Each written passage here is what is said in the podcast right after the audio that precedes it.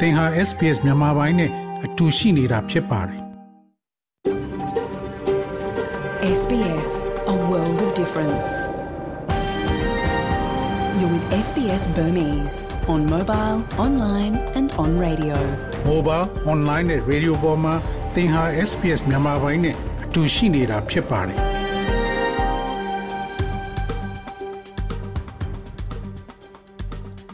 တော်ရရှိမြချစ်တဲ့မင်္ဂလာဖျားဖျားနဲ့ပြည့်စုံတော်မူကြပါစားခင်ဗျာ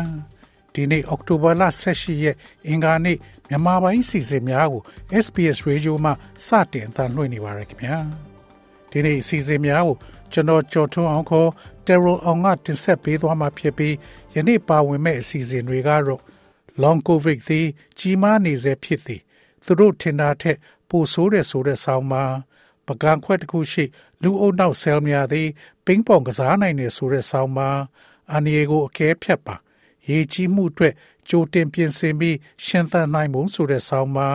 တန်ဝင်ခက်ကဘေးပို့ထားတဲ့အဖြေရှာရခက်နေစေကလေးတွေရဲ့ပညာရေးဆိုတဲ့ဆောင်းပါတို့ဖြစ်ပြီးဒီနေ့ခေါင်းကြီးပိုင်းသတင်းတွေကတော့ Victoria ပြည်နယ်တစ်ခုလုံးအတိုင်းအတာနဲ့ရွှေ့ပြောင်းဖို့အမိန့်ပေး အီရန်ဆန္ဒပြပွဲနှိမ်နင်းမှုအတွက်တာဝန်ရှိသူတွေကို EU ကဒဏ်ခတ်အရေးယူနေရပြန်ဒီမော့ဆိုစစ်ဘေးရှောင်9000 UNHCR ကအရေးပေါ်အကူအညီပေး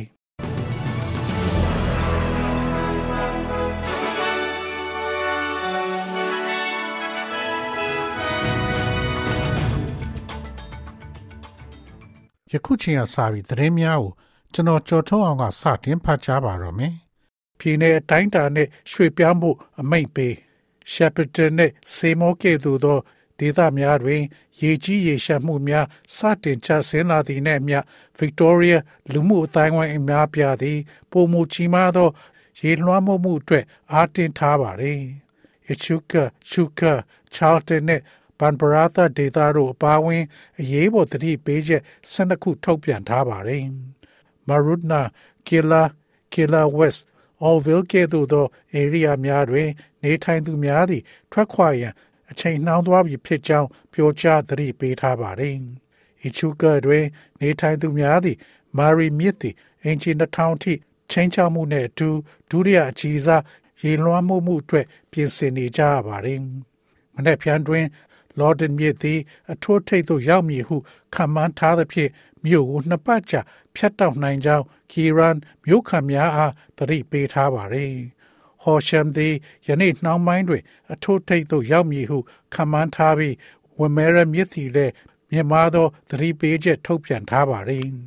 ။ဆန္ဒပြပွဲတွင်နှိမ်နင်းမှုအတွက်အီရန်တာဝန်ရှိသူတွေကို EU တန်ခတ်အရေးယူအီရန်နိုင်ငံမှာ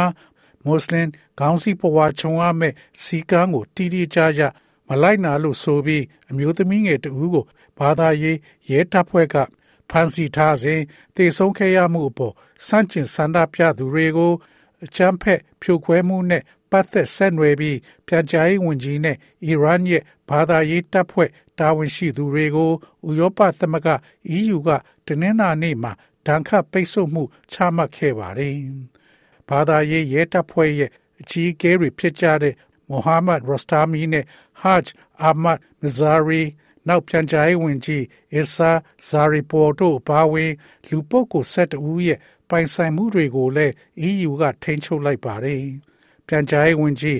အစ်ဆာဇာရပေါ်ကတော့စန္ဒပြပွဲတွေစတင်ခဲ့ပြီးနောက်ပိုင်းမှာအင်တာနက်ဖြတ်တောက်ပိတ်ပင်မှုအတွက်တာဝန်ရှိတယ်လို့ဆွဆွဲခံရပြီးဒဏ်ခတ်ခံရတာဖြစ်ပါတယ်။သူတို့ကိုတော့ဥရောပအတွင်းခရီးသွားလာမှုကိုလည်းတားမြစ်ထားပါတယ်။ Luxembourg မှာတွဲဆုံဆွေးနွေးကြတဲ့ EU နိုင်ငံခြားရေးဝန်ကြီးတွေကဆန္ဒပြပွဲတွေကိုရဲရဲဆက်ဆက်ဖိနှိပ်မှုတွေမှာတာဝန်ရှိတဲ့ဒေသဆိုင်ရာရဲတပ်ဖွဲ့အကြီးအကဲအတော်များများနဲ့အီရန်ရဲ့ဥပဒေစိုးမိုးရေးတပ်ဖွဲ့တွေကိုလည်းပြစ်ဒဏ်ခတ်ပါတယ်။အသက်22နှစ်အရွယ်မဆာအာမီနီသိဆုံးခဲ့ရပြီးနောက်ရပိုင်းအကြာစက်တင်ဘာလလယ်ပိုင်းမှာစန္ဒပြပွဲတွေစတင်ခဲ့တာဖြစ်ပါတယ်။ အီရန်နိုင်ငံတော်ဝန်လမ်းပေါ်ထွက်စန္ဒပြပွဲတွေအတွင်းလုံခြုံရေးတာဝန်ရှိသူတွေကြောင့်စန္ဒပြသူဒါဇင်နဲ့ချီသေဆုံးခဲ့ရပါတယ်။ငြိမ်ချမ်းစွာစန္ဒပြသူတွေကိုအင်အားအလွန်ကျွံသုံးတဲ့အင်အားအလွန်ကျွသုံးတဲ့အပေါ် EU ကရှုံးချကြောင်းတဲ့ကြေညာချက်မှာဖော်ပြထားပါတယ်။နေရပြန်ဒီမော့ဆိုစစ်ဘေးရှောင်9000ကို UNHCR အရေးပေါ်အကူအညီပေး ဒီမော့ဆိုမြို့နယ်ကကြေးရွာပေါင်း24ရွာနေရပြန်သူလူဦးရေ9000ကျော်လောက်ကိုအရေးပေါ်ကယ်ဆယ်ရေးပစ္စည်းတွေဖြစ်တဲ့ဆောင်းချင်းနောင်မိဖို့ကြောင့်သုံးပစ္စည်းတွေနဲ့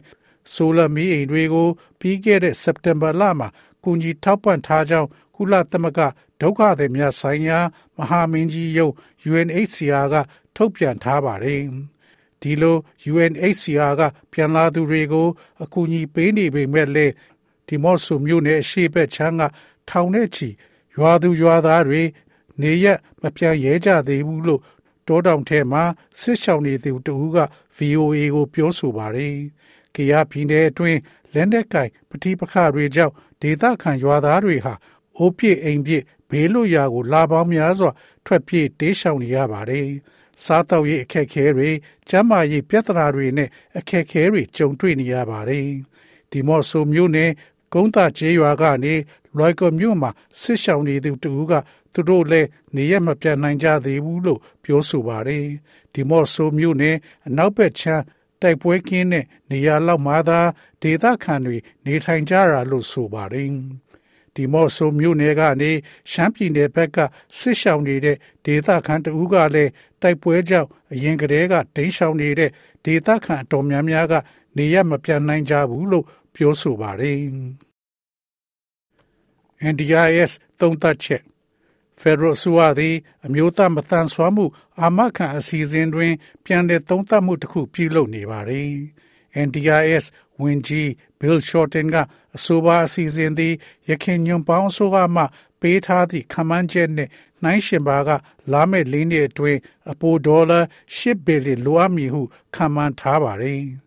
ညွန်ပေါင်းဆိုမှကျွန်ုပ်တို့ကို ထားရစ်ခဲ့သော တခြားပြဿနာမှာယခုမတ်လဘတ်ဂျက်နဲ့လာမယ့်အပတ်တွင် Treasurer Chalmers ချပေးမဲ့ဘတ်ဂျက်ကြားတွင် ကျွန်ုပ်တို့မြင်တွေ့ရမှာဖြစ်ပါတယ်။မတ်လတွင်ညွန်ပေါင်းဆိုမှနိုင်ငံအတွက်ပံ့ပိုးပေးခဲ့သောဘတ်ဂျက်ကိန်းဂဏန်းများမှ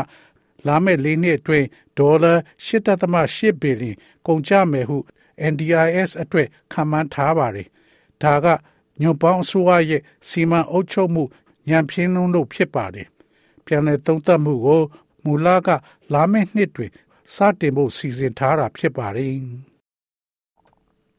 တရုတ်သမ္မတရှီကျင်းပင်ဇီရိုကိုဗစ်မူဝါဒအတီးပြုချက်စီးပွားရေးနှောင့်နှေးနိုင်တရုတ်နိုင်ငံသမ္မတရှီကျင်းပင်ကကိုဗစ်ကင်းစင်ရေးကိုဗစ်ဇီရိုမူဝါဒကို ကွန်မြူနစ်ပါတီရဲ့အချိန်20မြောက်ညီလာခံမိန့်ခွန်းမှာတင်းနှင်းကုန်နေ့ကထပ်မံအတည်ပြုပြောလိုက်တာကြောင့်တချို့အတွက်စိတ်ပျက်စရာဖြစ်သွားပါတယ်။ကိုဗစ်0မူဝါဒကြောင့်ကမ္ဘာရောင်းလို့အားကွင်းဆက်ကုန်စည်စီးဆင်းမှုပြတ်တောက်ပြီးလေကြောင်းလိုင်းနဲ့ခရီးသွားလုပ်ငန်းပြန်လည်နလန်ထားဖို့ကြံ့ကြာသွားနိုင်တာကြောင့်ဒီအကျိုးဆက်တွေကပြည်သူတွေရဲ့အသက်မွေးကြောင်းဘဝတွေကို ထိခိုက်တယ်လို့တိုင်ဝမ်အမျိုးသားတက္ကသိုလ် နိုင်ငံရေးသိပ္ပံပမောက္ခဆိုင်မန်ချန်ကပြောဆိုပါတယ်။ဒါအပြင်တရုတ်ကနိုင်ငံခြားကိုဗစ်ကာဝယ်ဆေးတွေကို မတင်သွင်းဘဲ mRNA ကာဝယ်ဆေးကိုပြည်တွင်းမှာထုတ်နိုင်အောင်စူးစမ်းကောင်းစူးစမ်းနေနိုင်တယ်လို့လည်းပမောက္ခချမ်းကဆိုပါတယ်။ COVID-0 မူဝါဒဟာကိုထုတ်လုပ်ထားတဲ့ကာဝယ်ဆေးပေါ်မယုံကြည်တာကိုလည်းပြသတယ်လို့ဝေဖန်ထားပါတယ်။ COVID-0 မူဝါဒဟာလူတွေရဲ့အသက်ကိုမထိခိုက်ဖို့ဦးစားပေးတာဖြစ်ပါတယ်လို့တရုတ်နိုင်ငံစူချောက်တက္ကသိုလ်ကပမောက္ခနဲ့ဘေဂျင်းအခြေစိုက် Center for China and Globalization ရဲ့ဒုတိယဥက္ကဋ္ဌဗစ်တာဂါရိုကဆိုပါတယ်။ကိုဗစ်ကာကွယ်ရာမှာလူတွေကိုကိုဗစ်ဖြစ်ကြပြီးတချို့အသက်ဆုံးပါတာကိုလက်ခံလိုက်ခြင်းအပြင်လူတွေသူ့ဘာသာကိုခံအားရလာတဲ့နီလန်းရှိသလို ကာကွယ်ဆေးအပြင်ကိုခံအားရှိလာအောင်လောက်ရတာလည်းရှိတာကြောင့်ကာကွယ်ဆေးပေါ်အားထားနိုင်မှုအပေါ်မူတည်ပြီး COVID-0 ဝါဒအဖြစ်အစိုးရကလူတွေအသေးပြောက်နေအောင်လုပ်ရတာဖြစ်တယ်လို့သူကပြောသွားပါတယ် SBS SBS SBS SBS SBS This is SBS Radio. ငွေလဲနှုန်းမှာတော့ Australian dollar ကိုမြန်မာကျပ်ငွေ1322ကျပ်ရရှိပြီး American dollar ကိုမြန်မာကျပ်ငွေ2100ကျပ်ရရှိပါတယ်။ Australian dollar ဟာ American 62စနစ်နဲ့ညီမျှပါတယ်။မနေ့ဖြန်ဩစတြေးလျတိုက်မှာရှိတဲ့မြို့ကြီးများရဲ့မိုးလေဝသခန့်မှန်းချက်ကတော့ဆစ်ဒနီမြို့မှာအပူချိန်23ဒီဂရီစင်တီဂရိတ်ရှိမှဖြစ်ပြီးမိုးတိမ်သားများအနည်းငယ်ရှိမှဖြစ်ပါတယ်။ မဲလ်ဘန်မြို့မှာအပူချိန်22ဒီဂရီစင်တီဂရိတ်ရှိမှဖြစ်ပြီးနေသားမှာဖြစ်ပါတယ်။ Brisbane မြို့မှာအပူချိန်23ဒီဂရီစင်တီဂရိတ်ရှိမှဖြစ်ပြီးမိုးရွာသွန်းမှဖြစ်ပါတယ်။ Perth မြို့မှာအပူချိန်30ဒီဂရီစင်တီဂရိတ်ရှိမှဖြစ်ပြီးနေသားမှာဖြစ်ပါတယ်။ Adelaide မြို့မှာအပူချိန်24ဒီဂရီစင်တီဂရိတ်ရှိမှဖြစ်ပြီးများသောအားဖြင့်နေသားမှာဖြစ်ပါတယ်။ Hobart မြို့မှာအပူချိန်20ဒီဂရီစင်တီဂရိတ်ရှိမှဖြစ်ပြီးမိုးတိမ်သားများအနည်းငယ်ရှိမှဖြစ်ပါတယ်။ Canberra မြို့မှာအပူချိန်23ဒီဂရီစင်တီဂရိတ်ရှိမှဖြစ်ပြီးများသောအားဖြင့်နေသားမှာဖြစ်ပါတယ်။ Darwin မြို့မှာအပူချိန်33ဒီဂရီစင်တီဂရိတ်ရှိမှဖြစ်ပြီးမိုးရွာသွန်းမှဖြစ်ပါတယ်။ဤတွင်သတင်းများကိုကြီးညာလို့ပြီးပါပြီခင်ဗျာ။